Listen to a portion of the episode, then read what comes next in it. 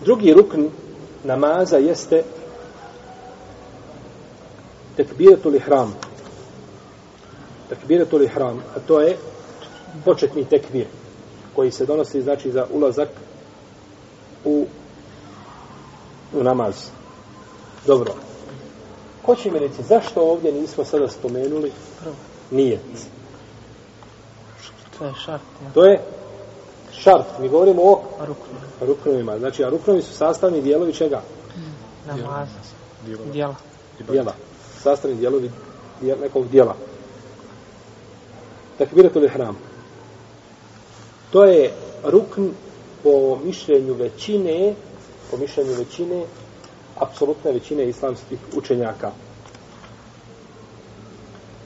Zbog riječi poslanika sallallahu alejhi ve selleme hadisu Abu Davud i Tirmizije koji je vjerodostojan da je kazao ključ namaza je abdest. Njegov početak je tekbir, a završetak selam.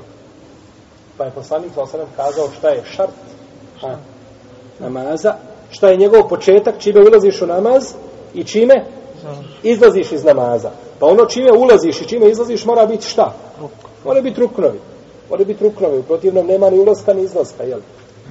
Tako da je a, i, i riječi onoga, kada je rekao onome ashabu koji je ušao pa klanjao, kaže, vra, idi vrati se, klanjaj ti nisi, klanjao, kaže mu, i da kumte i da salati te kebir. Kada ustaneš da obavljaš namaz, donesi tekbir. Znači, po prvu stara vidiš šta donese tekbir. I kaže u a, drugoj predaji istog ovoga hadisa, nije upotpunjen namaz nekome od vas dok se ne abdesti i potom ne kaže Allahu ekber. A, Znači nije upotpunjen namaz, pa nam to sve ukazuje da je, jer zato što ima neke oleme koji iskazali da čovjek može ući i drugim riječima u namaz. Ne mora kazati Allahu ekber. Pa kaže subhanallah, alhamdulillah, e, bilo što drugo da kaže ući će šta u namaz. Ni od Ajše radijallahu ta'ala anha se prenosi kako bilježi ima muslim da je poslanik sa osanem počinjao svoj namaz sa tekbirom. I tekbir kada se kaže, misli se na šta? Na riječ Allahu ekber. Misli se na riječi Allahu ekber, jer nije preneseno poslanik, poslanika sa svem da je ikada donosio tekbir, znači da je početni nekim drugim riječima. Pa po mišljenju imama Seurija i Malika i Ahmeda i Šafije doz, mora se reći Allahu Ekber. Osim što Šafija dozvoljava da se kaže Allahul Ekber. Allahu El Ekber. Na takav način.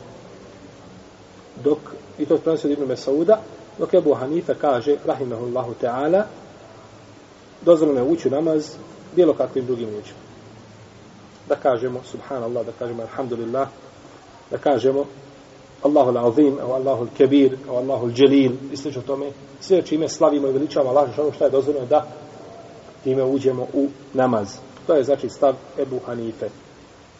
No, međutim, nema sumnje da je stav džumhura ovdje jači, jer nije, znači, i riječima poslanika, sa osaleme, i praksom je potvrđeno da se kaže Allahu Ekber, pa ne treba odlaziti sa te osnove na, na, eh, na nešto drugo.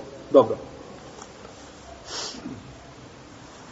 Nije dozvoljeno izgovoriti tekbir osim čistim arapskim jezikom. Osim za onoga ko ne može. Ko ne može, došlo, primio islam prije minutu, ti ga pokušaš svašta nešto naučiti, ističe namasko vrijeme, treba da klanja, ne možeš mu sve objasniti. Kad rekao na svom jeziku da klanja u namasko vrijeme, ne smijeti. No, međutim, u protivnom mora izgovoriti to na čistom arapskom jeziku.